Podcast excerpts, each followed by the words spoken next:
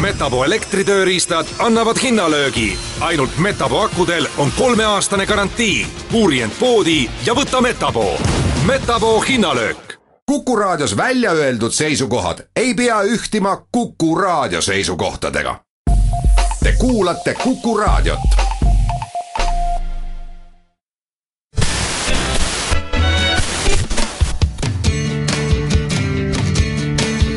Radio Talsinki. Radio Talsinki ja unikaalsed Eesti lood toob teieni Solosokos Hotel Estoria. Radio Talsinki. Tervetuloa jälleen Radio Talsinkin ohjelman pariin. Täällä ollaan Mannermaan Vilman kanssa studiossa ja Vilma tuossa juo teetä. Tervetuloa Vilma taas lähetykseen kanssa. Kiitos, kiitos. Mikä se on? Täällä vietellään talvipäivää. Näinhän se on. Hieno talvipäivä onkin. Ja maailmalla tapahtuu ja Virossa tapahtuu ja e, oikeastaan aiheista meillä kyllä pulaa ei ole tällä hetkellä. Me lähdetään nyt, Virossa on ollut tietysti tiukat vaalit ja Edgar Savisaar on äh, äh, nyt sitten kammettu tai jäänyt kokonaan menemättä tähän keskerakonnan äänestykseen sinne Paideen, mutta käsitellään sitä asiaa hieman, hieman myöhemmin. Lähdetään näillä Amerikan vaaleilla liikkeelle. Tuntuu siltä nimittäin tällä hetkellä, että nämä on oikein likasanko sanko journalismin kulta-aikaa siellä Amerikan maalla ja, ja mahtaakohan molemmat ehdokkaat joutuu vankilaan vielä ennen kuin äänestykseen edes päästään tai heti sitten äänestyksen jälkeen varmaan tulee, tulee FBI ja pidättää molemmat. Mitä mieltä oot, Filma? No täytyy kyllä sanoa, että varmaan yhdet likaisimmista vaaleista sinänsä, mitä tuolla Amerikassa on ollut, että sen verran sen verran sieltä mole, molemmin puolin heitetään kuraa toisten niskaa, mutta ja en kyllä itse tällä hetkellä en, en itse osaa sanoa niin yhtään, että miten tässä käy. Tosiaan tiistai, tiistai yönä niin Suomen aikaan on, on vaalit, eli ihan piakkoin ja ei niinku, no tuossa viime viikolla meni jo Trump jossain, jossain gallupeissa ohi ja näin, näin edelleen, niin tosi vaikea sanoa, että miten siinä käy. näin, näin se tosiaan on. Ja 50 ja 50 prosentissa viisi viimeksi luin itse, että näissä jutuissa on. Ja siellä oli viimeinen syytös, mitä minä näin nyt Trumpin osalta, että hän on raiskannut 13-vuotia tytön ja se on kyllä aika raju väite, väite. Ja siellä on kaivettu tosiaankin kaikki tunkiot, mitä vaan hiukakin voi. Mutta nyt on mielenkiintoinen tilanne, nimittäin siellähän tämä yksi CIA-patu on, saattaa mennä ja voittaa tämä yhden osavaltion vaalit. Ja jos tämä meni, menisi sillä tavalla, että hän voittaisi, tuota, hän on puolueista riippumaton ehdokas minun mielestäni, niin, niin tämä voisi mennä vähän niin kuin Viron mallin mukaan, että tätä kabinetissa päätettäisiin tämä presidentti ja silloin ei, ei välttämättä kummastakaan näistä Trumpista ja Rouva Clintonista tulisi presidentti, että koska reform, ei reformin, vaan tota konservatiivit eivät niin kaikki tykkää tästä Trumpin pojasta, niin, niin siellä saattaa olla sellainen tilanne, että menevätkin tämän CIA-kaverin tuota taakse. Että on kyllä, mm, tästä tehdään vielä monta elokuvaa, mä uskon tästä vaalista. Joo, siis siellä oli Trumpin tota, vaalitilaisuudessa ihan niin kuin republikaaneja heitetty sieltä ulo, ulos, kun oli ollut kylt, kylttejä, että republikaanit Trumpia vastaan. Ja tälleen, niin kuin, mutta itselle kävi siis totta kai paljon vaaleista ihmisten kanssa keskustellut, mutta niin kuin, aika, aika harvoin tulee vastaan sellaisia ihmisiä, jotka Trumpia olisivat valmi, valmiita äänestämään, mutta itse asiassa tuossa lauantaina tuli, tuli ihan sattumalta törmättyä tällaiseen ihan amerikka, amerikkalaiseen henkilöön, miehen, joka sanoi, että oli, oli äänestänyt Trumpia, että oli vielä itse kuulemma työskennellyt Bernie Sandersilla, eli demokraattien puolella, mutta ei ole valmis äänestämään Hillary Clintonia, vaan oli äänestänyt Trumpia, koska hänen mielestään Hillary oli sitten kaikista paholaisista pahin. Niin ja sitten oli keskustelu myöskin aseista ja äh, vapaasta aseosto-oikeudesta ja tällaisista asioista ja ilmeisesti Vilma et ollut ihan samaa mieltä. Tämä oli semmoinen, että oli, siis toi hyvin pitkään väiteltiin nimenomaan tästä vaaliasiasta ja myöskin siitä, niin kuin, että miten se vaikuttaa, tai niin kuin, että millä perusteella niin kuin minä eurooppalaisena ja suomalaisena tätä asia, asiaa katsoin. Ja sitten sit jossain vaiheessa päästiin keskustelemaan sitten aseista ja tämä henkilö oli sitten erittäin, erittäin nimenomaan vapaan aselain puolella. Ja siinä vaiheessa itsellä meni semmoinen, niin kuin, että että aihe alkoi olla semmoinen, että mä en enää jaksanut edes siitä keskustella, koska me oltiin niin täysin eri linjoilla tässä asiassa, että, että kyllä tosiaan Amerikka on omanlaisessa maa ja toki sielläkin varmasti paljon, paljon erilaisia ihmisiä, mutta en ihan Tallinnassa uskonut tällaisen henkilön törmääväni. Niin, se on uskomatonta, mutta siellä on kuitenkin monta miljoonaa Trumpin takana myöskin. Ja ajatellaanpa nyt tätä, tällaista kaveria kuin Siri Nouski. Minun mielestäni mies, joka on tuota ihan täysi, täysi tuota kupla poliittisesti ja, ja täysin tuota pääsekaisin oleva kaveri, niin mitä hän sai siellä Venäjän maalla ääniä? Neljä miljoonaa ääntä. Si, niin, siinä on toinen maa, missä ei oikein osata niin kuin näitä, näitä tuota ajatella, mutta toisen kautta sitten taas, jos ajatellaan vähän pienemmässä mittakaavassa, niin onhan meilläkin Teuvo Hakkarainen. Tota... Olli Immonen löytyi myös, että niin kyllähän näitä edustajia löytyy sitten myöskin meiltäkin, me, meidänkin suunnalta, että mitkä, mitä, mitkä ei suuren kansan niin kauhean suosikkeja, mutta omilla kotikulmillaan niin tiukkoja tyyppejä. Niin, mutta Venäjällä sinänsä vähän eri tilanne, kun siellä kuitenkin Putin aina voittaa, niin eihän sillä niin väliä, että kuka siellä saa ääniä. niin, vaikka saisikin nyt neljä miljoonaa ääntä, niin siellä... Niin, ja se on itse asiassa aika vähän neljä miljoonaa ääntä, kun ottaa koko Venäjän koon, niin on se nyt... niin, mitä siellä Pietarissa yhdessä kaupungissa asuu jo yli 10 miljoonaa niin. ihmistä, tai Moskova suurkaupunki, niin se on, se on myöskin... Juttelin muuten yhden venäläisen kaverin kanssa tässä näin, ja kyselin tuota, kun hän on sieltä Venäjän maalta kotosi, että miltä tuntuu, että ensinnäkin tätä viides legiona asia, mitä täällä Egre pelottelee, no ei kyllä kiinnosta yhtään heitä mitkään viides eh, legiona. Ja kysyin sitten, että voisiko ajatella, että hän muuttaa takaisin sinne no, kotikonnuille. Sanoi, että et tiedä kuinka karmeita siellä on, että siellä ei ole yhtään mitään. Että Moskovassa ja näissä suurimmissa kaupungeissa on kyllä tietysti on ja ne on hienoja, mutta siellä ei kotikulmillaan niin tiet karmeessa kunnossa ja koko elämä on ihan karmeeta, että missään nimessä ei menisi takaisin sinne Venäjälle omille kotikonnuille. Joo, tämä on kyllä semmoinen, niin että just mitä on lukenut esimerkiksi Vladivostokista, joka on siis Tyynenmeren rannalla Venäjällä, niin, niin siellä niin kuin, sinne päätettiin, että nyt rakennetaan tänne hieno kaupunki, ja ne rakensivat sinne hienon kaupungin. Mutta sen kaupungin ulkopuolelle kun menee, niin siellä ei ole mitään. Eli vaikka sinne on hienot tiet sinne kaupunkiin rakennettu, niin siellä ei kuitenkaan pääse niitä hienoja tietä pitkin pois koska sitten kun heti kun kaupunkirat loppuu, niin sitten se on ihan samanlaista kaikkialla muualla Venäjällä. Huvittavaa oli joskus myöskin, kun kiinalaisen kaverin kanssa keskustelin, keskustelin tuota Lontoon aikana ja siihen aikaan Kiinaan rakennettiin huippuhotelleita. Sanoin, että kaikki olisi muuten hyviä ja hienoja hotelleita ja mitä, mutta kun ei ole yhtään tietä niihin hotelleihin. Tiedän aivan älyttömiä, aivan älyttömiä juttuja, mitä maailmalla tosiaankin, tosiaankin on ja, ja mitä tapahtuu. Mutta eipä tässä mitään. Me aloitetaan sitten Amerikan vaalien kunniaksi Madonnan biisillä Amerikan pai ja kuunnellaan se. On muuten Don McLeanin biisi, sen semmoinen kaveri, joka on aikana tämän biisin tehnyt, josta aika vähän tiedetään. Ja sitten tämä biisi on noussut arvoon arvaamattomaan muiden esittäjien toimesta, joista yksi on Madonna ja Madonna lauleskelee nyt tämä Amerikan painia. Siellähän sitä syödään.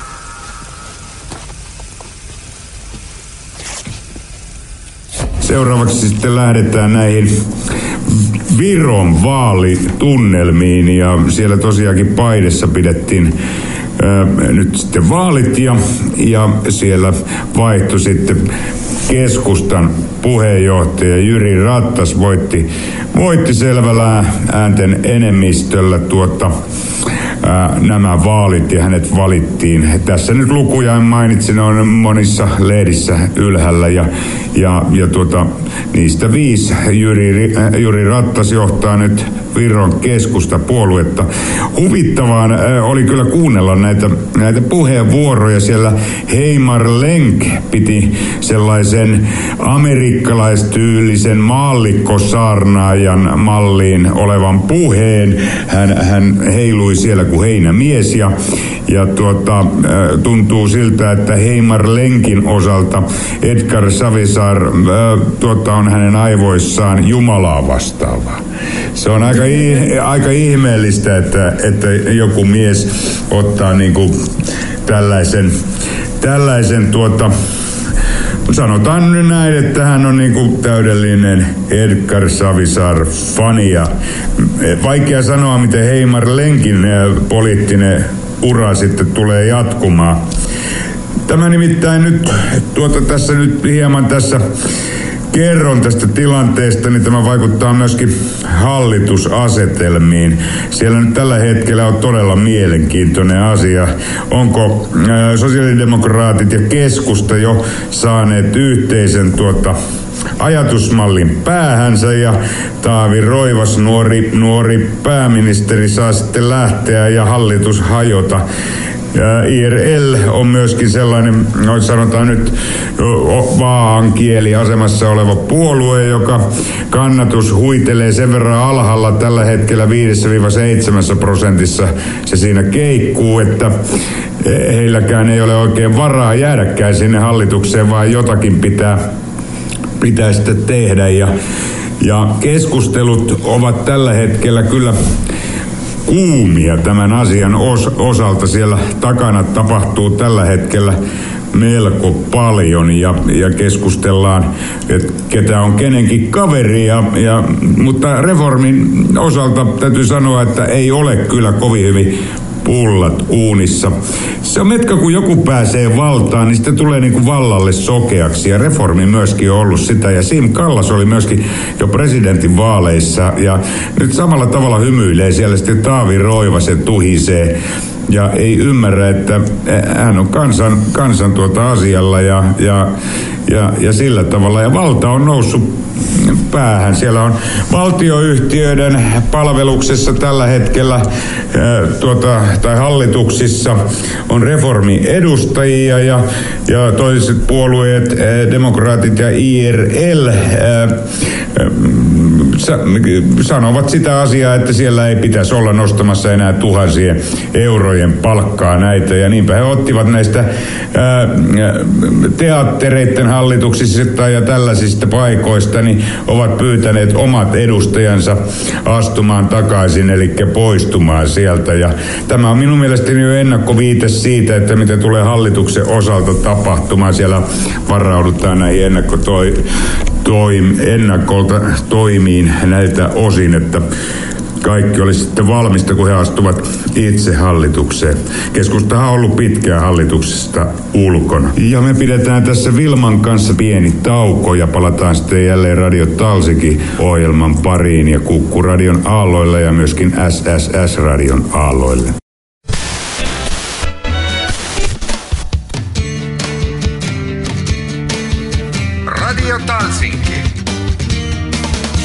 Radio Talsinki ja unikaalsed Eesti lood toob teieni Solosokos Hotel Estoria. Radio Talsinki.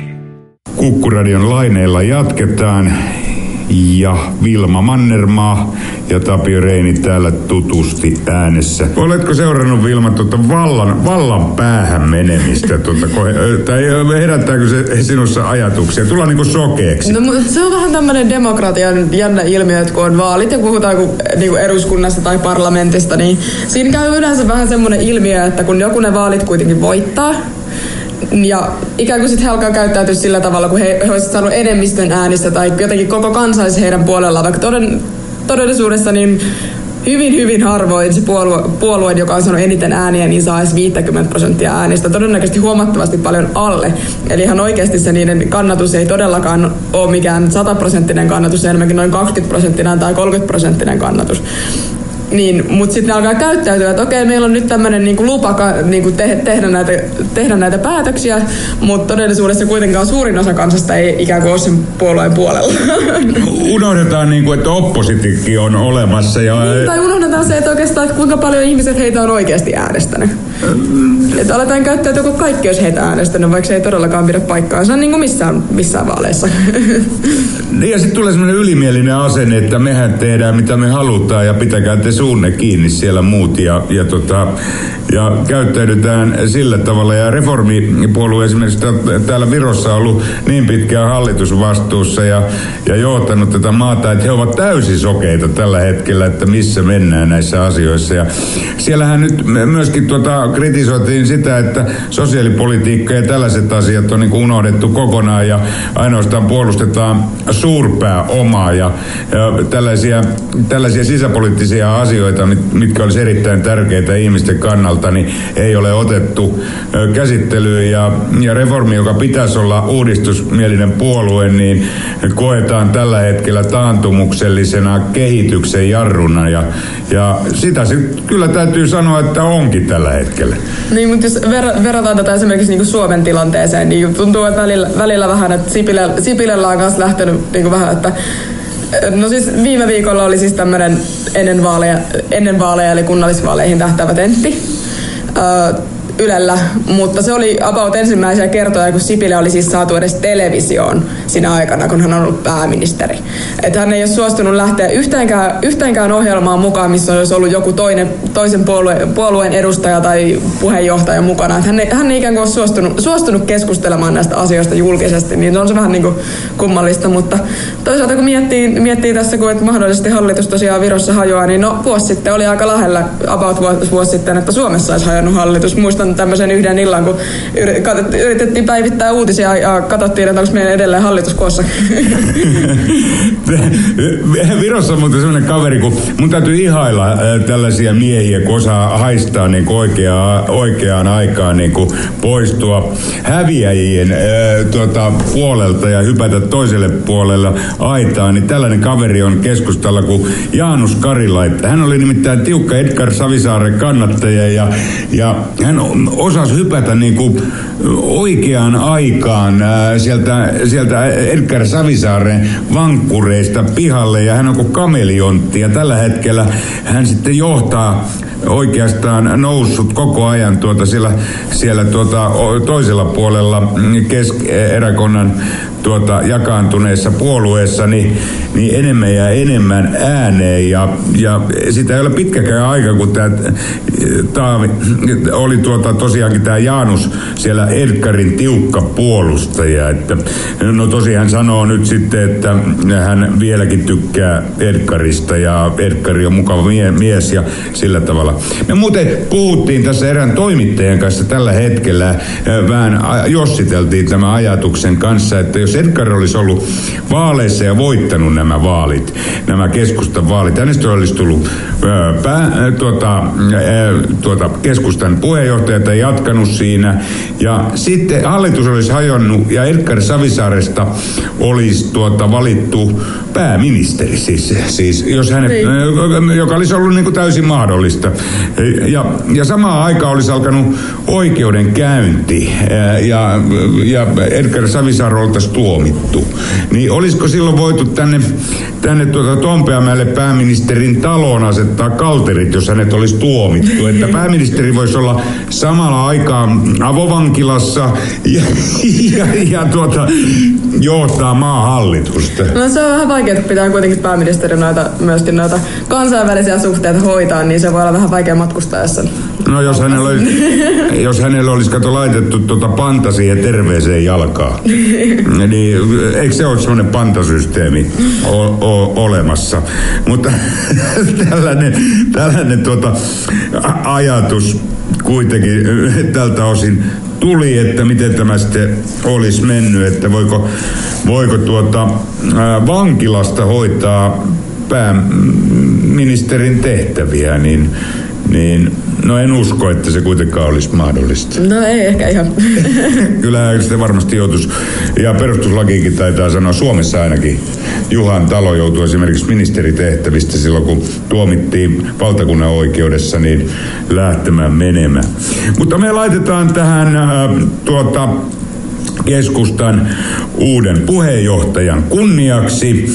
Upea biisi, The Younglers on ö, bändin nimi ja, ja tuota, Alex is a man on biisin nimi ja, ja tuota, Juri Rattashan on nyt miehistä parhain monen mielestä ja si, siksi tämä biisi kuunnellaan. Alex is the man.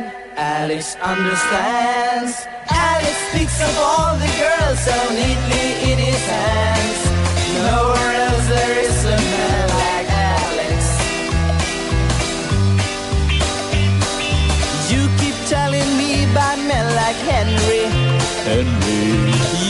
telling me about men like George. George. But you know that I have too much envy to turn down and skip a man like George. Alex is a man, Alex understands. Alex picks up all the girls so neatly in his hands. Nowhere else there is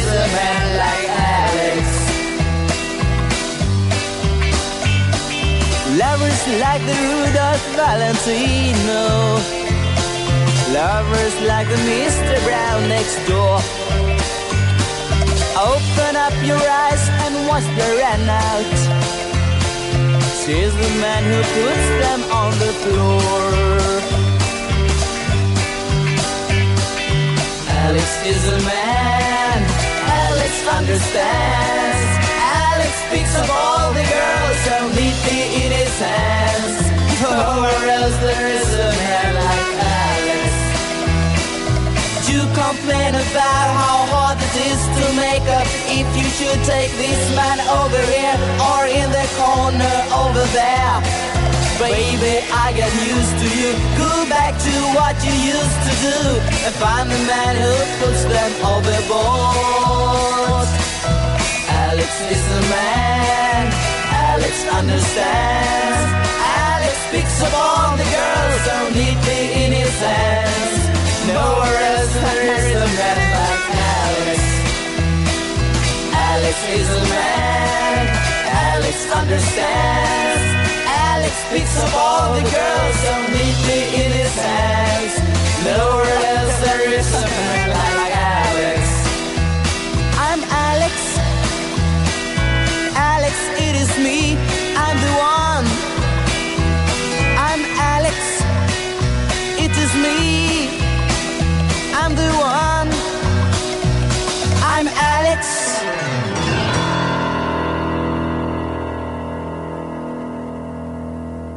Seuraava skenaario on sitten hyvin mielenkiintoinen, nimittäin Helsingin Sanomat Satu Vesantola on kirjoittanut melko sellaisen ajatuksia herättävän kolumniin, nimittäin siinä tarkistellaan, että saisiko Jeesus turvapaikan Suomesta. Suome kiristi linjaansa hivuttamalla. Ja sinäkin luit tämän. Joo, kyllä, kyllä tuli tänä aamuna luettua. Ja, no siis ylipäätään tässä, tässä käsiteltiin sitä, niin sitä tosiaan, no periaatteessa otsi- otsikkohan kertoo kaiken, mutta lähinnä sitä, mitä, mitä kaikki asioita otetaan huomioon nykyään ö, siinä, että kun annetaan turvapaikkoja, koska se on vähän silleen, joka, joka suunnasta on pikkuhiljaa kiristetty niitä ja kukaan ei oikein tiedä, niin kuin, että miten se loppujen lopuksi vaikuttaa siihen, että kuka niin kuin Suomesta saa turvapaikan vai ei, kun tuntuu, että on joka, joka paikassa vähän kutistettu eikä ole ikään kuin ajateltu sitä kokonaisuutta, että mi, mitä se käytännössä tarkoittaa niille turvapaikkapäätöksille. Kyllä, kyllä. Ja täällä sanotaan muuten tässä kolumnissa, että Jeesuksen tapauksessa ol- ongelmana olisi ollut todisteiden puute suunnitellusta vainosta ja ei ollut näyttöä, vaan perheen pako Egyptiin perustui kuulopuheisiin, eikä pe- pelkkään kuulopuheeseen perustuva kertomus ei ole kovin uskottava. Näin on ollut ennenkin. Tällaiselle tarinalla ei olisi saanut turvapaikkaa ennen kiristyksiäkään, niin kuin Suomesta. Ää, Entä sitten perheen yhdistäminen? Jospa Suomeen olisikin tullut vain Joosef isä ja hän olisi myöhemmin hakenut perheen yhdistämistä. Edessä olisi ollut liuta ongelmia, täällä kerrotaan. Ja Joosef ei täyttänyt turvapaikan kriteereitä ja vaikka olisi täyttänytkin perheen yhdistämistä, pitäisi päästä hakemaan Suomen suurlähetystöstä hankalan matkan takaa. Jos sitä ei haettaisi kolmessa kuukaudessa, pitäisi Joosefilla olla 2200 euron nettotulot, jotta hän saisi perheensä Suomeen. Laki tulorajoista tiukentui tänä vuonna. Aiemmin Joosef olisi voinut saada perheensä tänne, vaikka olisi elänyt sosiaaliturvan varassa, jos siis olisi saanut turvapaikan. Mutta mistä hän olisi saanut sellaiset rahat, tämä Joosef tuski aasin myynnistä. Niin, mistä kuk- siis on ylipäätään tämä siis summa on ihan naurettava, naurettavan suuri.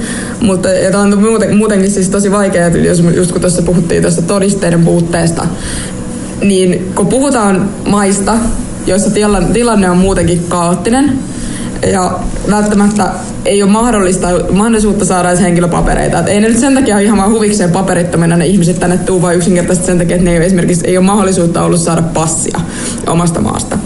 Ja it, itselläkin siis mulla on äh, yksi kaveri, joka on siis turva, turvapaikanhakija Suomessa. Äh, hän on kotoisin Irakista, 21-vuotias nuori mies, todella, todella mukava tyyppi, ihan silleen niin kuin mie- mielellään on, Su- on Suomessa toki, toki jotain pieniä vaikeuksia, eikä talvi nyt ihan suosikki juttu on, mutta ihan siis silleen mielellään haluaisi jäädä Suomeen, mutta äh, esimerkiksi semmoisia perusteita käytettiin, käytettiin siihen, kun hänen, en- tosiaan yhden, yhden kielteisen päätöksen on saanut jo, että koska hän oli sanonut, että oli tehnyt siis Irakissa vapaaehtoistyötä.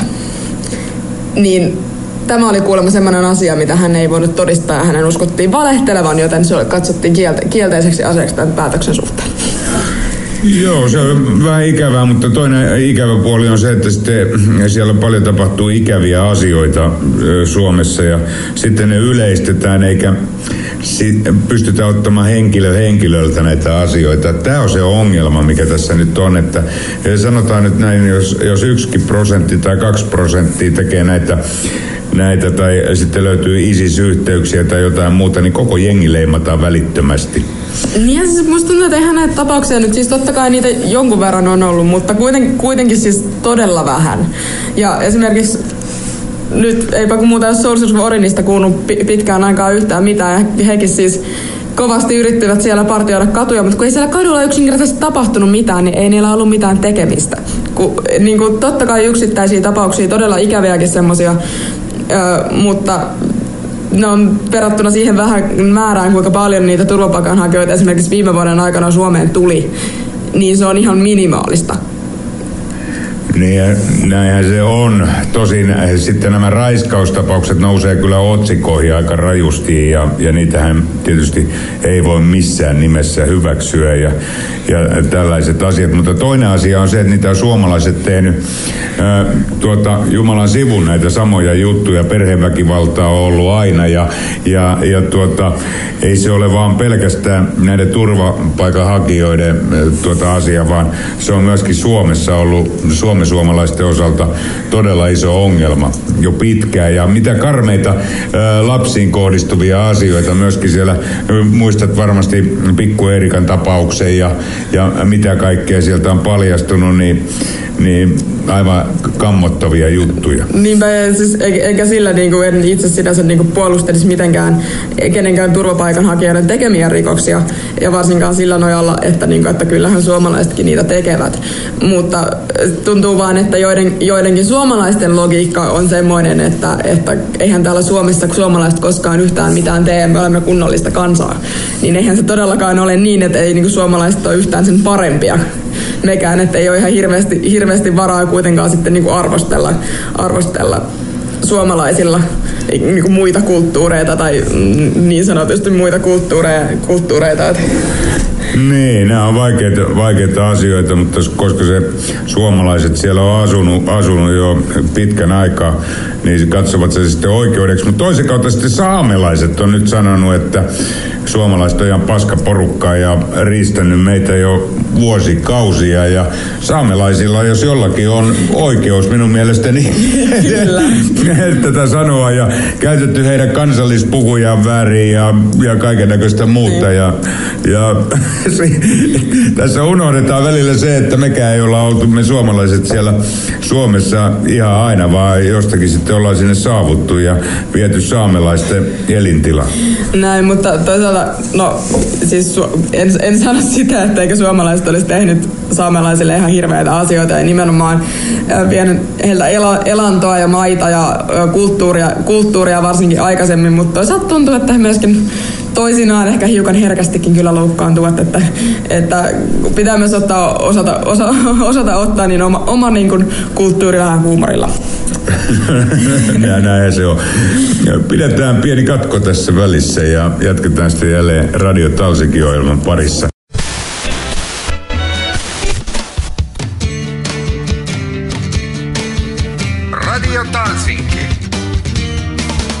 Radio Talsinki ja unikaalsed Eesti lood toob teieni Solosokos Hotel Estoria. Radio Talsinki. Radio Talsinkin ohjelman parissa jatketaan täällä Mannermaan Vilma ja Tapio Reini tutusti äänessä. Laitetaan tähän kaunis kappale. Yö on bändin nimi ja yöhän esiintyi samoihin aikoihin kuin Dingo aikanaan toinen porilainen bändi. Ja rakkaus on lumivalkoinen. Muistetaan se, että aina rakastetaan toisiamme.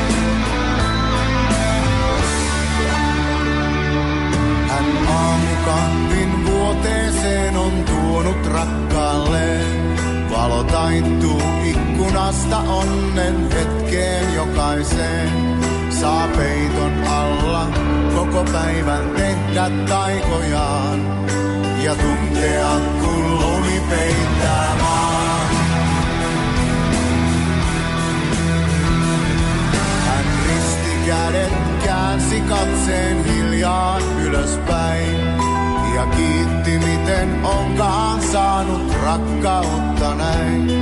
Aina toivoi kyllä paljon, mutta saikin enemmän. Vaan ei yhtä tiennyt hän. Niin pienen hetken rakkaus on lumivalkoinen. On puhdas niin kuin hanki helmikuisten aamujen. Voi kumpa kauemmin loisto kestää pois. Vaan illan tullen katoaa ja tummuu aina pois. Ei koskaan kysy saapuessaan lupaa katkeruus. Ja kyyneleitä erottaa voi pieni ikuisuus. Kun lapsi pitkän päivän jälkeen syliin nukahtaa. Tai pyytää kotiin palaamaan.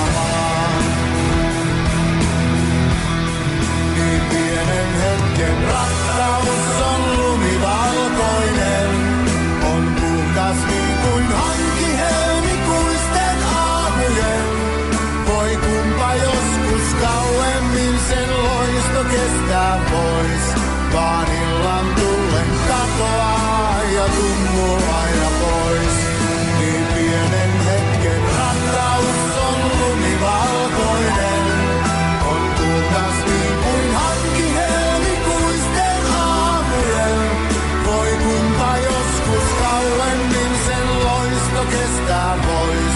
Vaan illan tullen katoaa ja tummuu aina pois.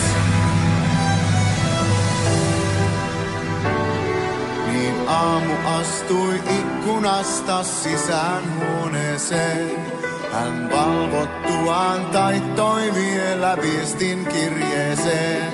Vihamaalla katson, miten kaunis voikaan olla maa. Vaikkei ole Jumalaa, niin pienen hetken rakkaus on lumivalkoinen. On puhdas niin kuin hanki helmikuisten aamujen. Voi kumpa joskus kauemmin sen loisto kestää pois. Vaan illan tullen katoaa ja tummuu aina pois.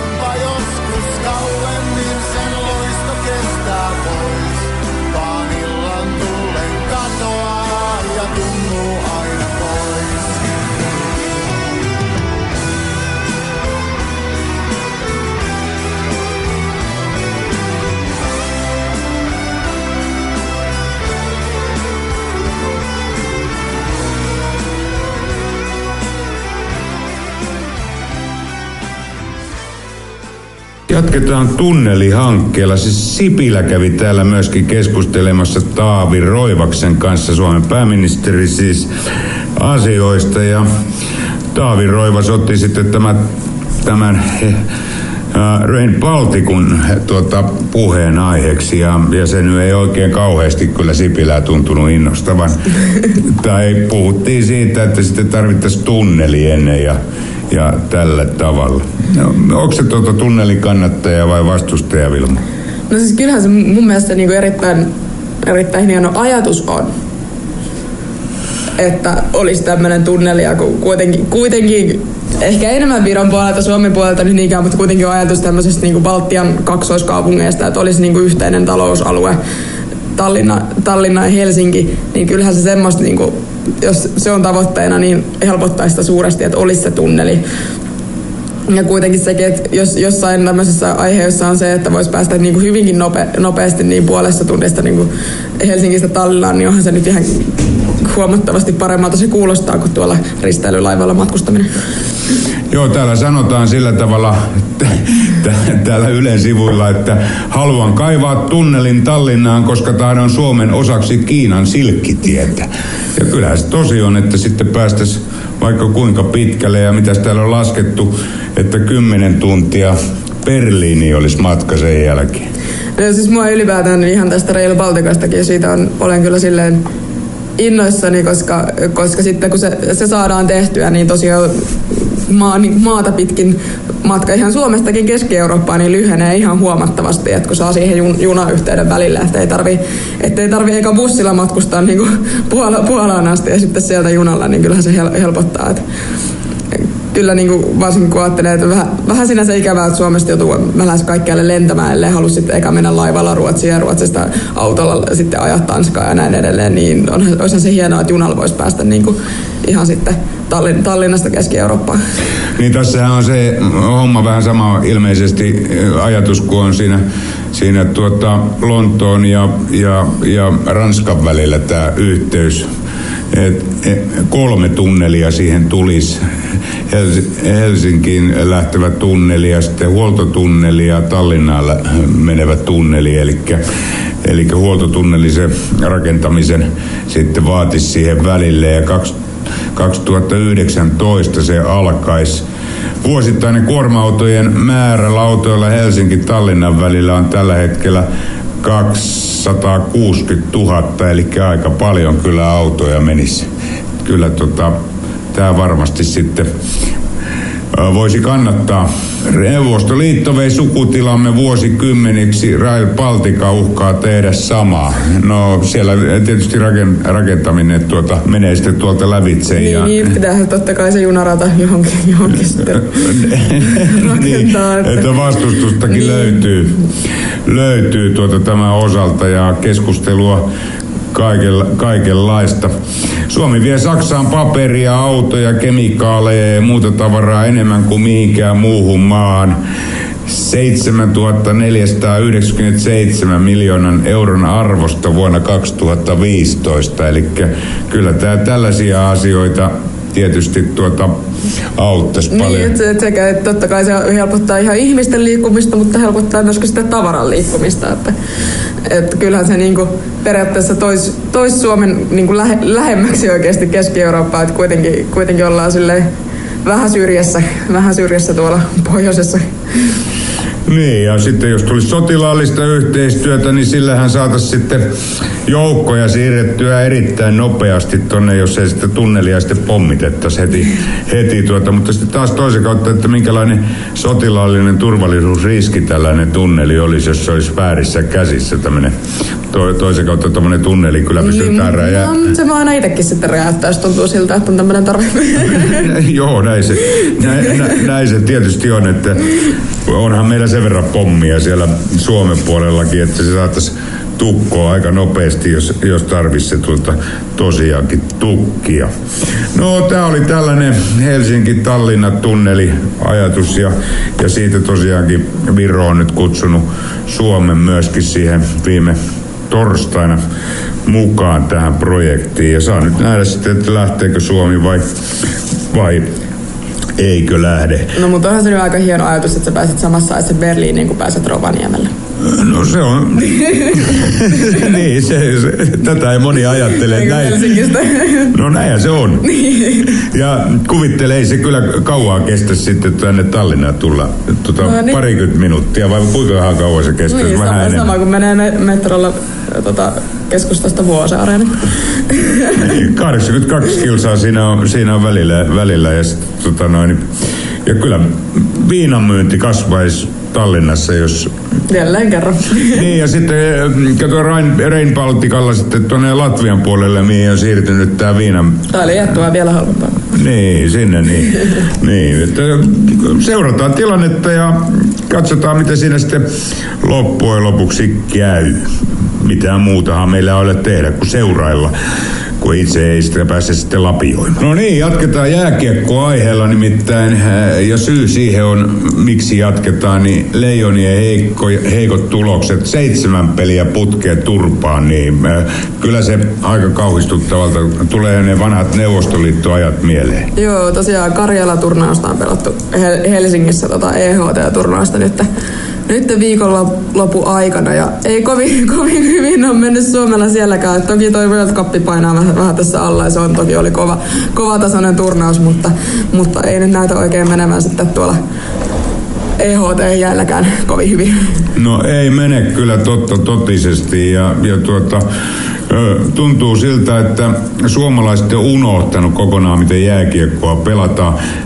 Jatkoaika.com kirjoittelee, tällä tavalla, että syntypukiksi ovat joutuneet suomalainen hidas pelitapa ja sitä valmentava Marjamäki, eli Lauri Marjamäki ilmeisesti ei kyllä kovin kauan Suomen kansa tätä katsele, niin jos vielä ihmeen kauan nyt jo katseltu, kun seitsemän tota peliä turpaan, niin No toki siis Maria Väkihän on vasta ihan oma joukkue valmennusuransa alussa, että tosiaan World Cup oli ensimmäinen turnaus, mitä, mitä hän siellä valmensi ja nuori valmentaja, tai su, suhteellisen nuori valmentaja vielä kyseessä ja oikeasti ihan lah- lahjakkaimpia valmentajia Suomessa, niin kuin, että eiköhän siitä vielä ihan, ihan hyvä, hyvää tulee kuitenkin. Ei se nyt aina voi voittaa. Että.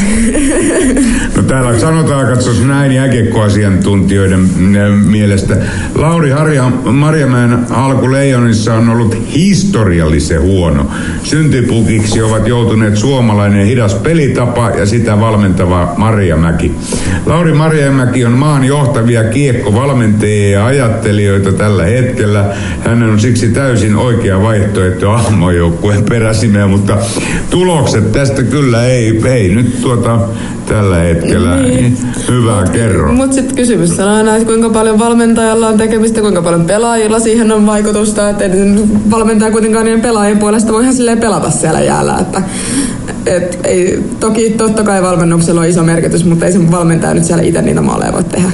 No viime kerralla, tai silloin joskus aikanaan otettiin sellainen herra kuin Summanen sinne räjäämään ja huutamaan tota, ja sikailemaan sinne valmentajaboksiin. Ja hän sai ihan loistavia tuloksia. Hän nimittäin tuo hopeeta sieltä World Ed- Cupin. edellisestä World Cupista kyllä. Niin. Ja sen jälkeen tuli potkut sitten. No tuli potkut ja, ja tota, Niinimaa lähti sieltä silloin kävelemään kotiin, kun ei jaksanut kuunnella sitä karjumista, että mm, kumpi on sitten oikea tapa, että pistettäisiin sinne sellainen jätkä, joka aukoo päätään siellä ja tota, noin, kiroilee ja karjuu ja Suomi menestyy vai, vai sitten tällainen Marjamäki-tyyppinen, joka on varmaan fiksumpi kaveri, niin, niin yrittää saada suomalaiset pelaajat tuota, pelaamaan siihen malliin, että tulisi menestystäkin.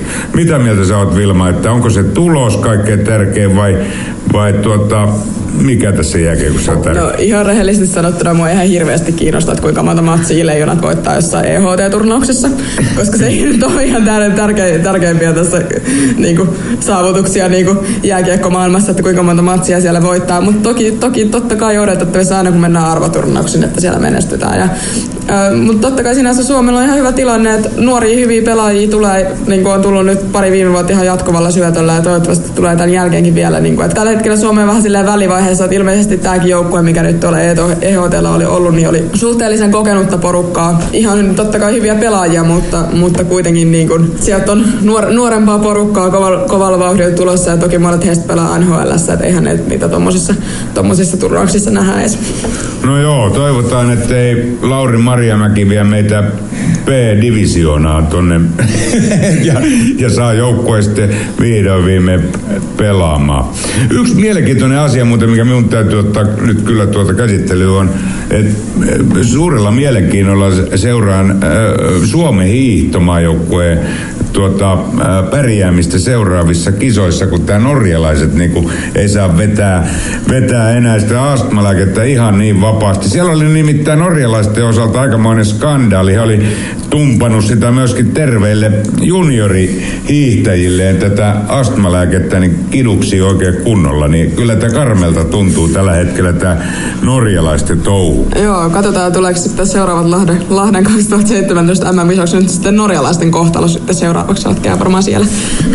Niin ja semmoisia astmanaamareita kannattaa varata norjalaisten osalta Norjan väreissä niin myyntiin. Se, on, se olisi varmasti tuota, aika hyvä, hyvä tuota, merkki sinne Norjan suuntaan, että älkää. Mutta norjalaiset ei meinaa antaa millään periksi. He vaan meinaa käyttää sitä astmalääkettä. Niin, no pitäähän sinne nyt eka kovia tuomioita laittaa pöytään ennen kuin, ennen kuin he sen lopettaa. Että ei sen varmaan ihan huvikseen sitä lopettele. Niin, ja rahaa menettää muutamia miljoonia siinä ohella, niin kyllä alkaa, se raha on semmoinen, että sitä alkaa turskansyöjillekin sen jälkeen niin kuin maistumaan ihan terve urheilu, mä uskon näin. Lopetellaan Vilman kanssa Radio Talsikin ohjelmaa ja pistetään Popedalta sitten viimeinen biisi teille soimaan. Onhan päivä vielä huomennakin ja sitähän se on. Ja olkaa jälleen tuota seuraavalla viikolla kuulolla. Tehdään Vilman kanssa sitten taas uutta ohjelmaa. Moi vaan mun puolesta. Moikka.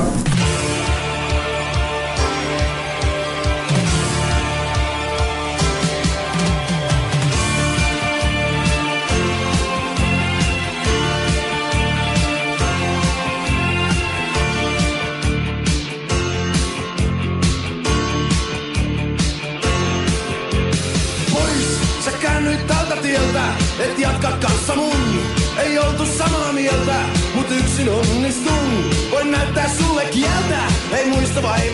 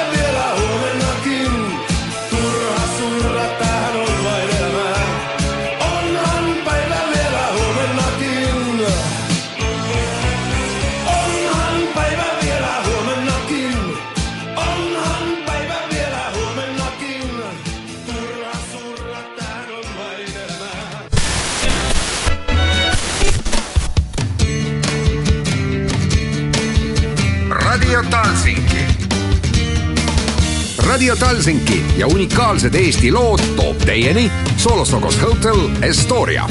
Radio Talsinki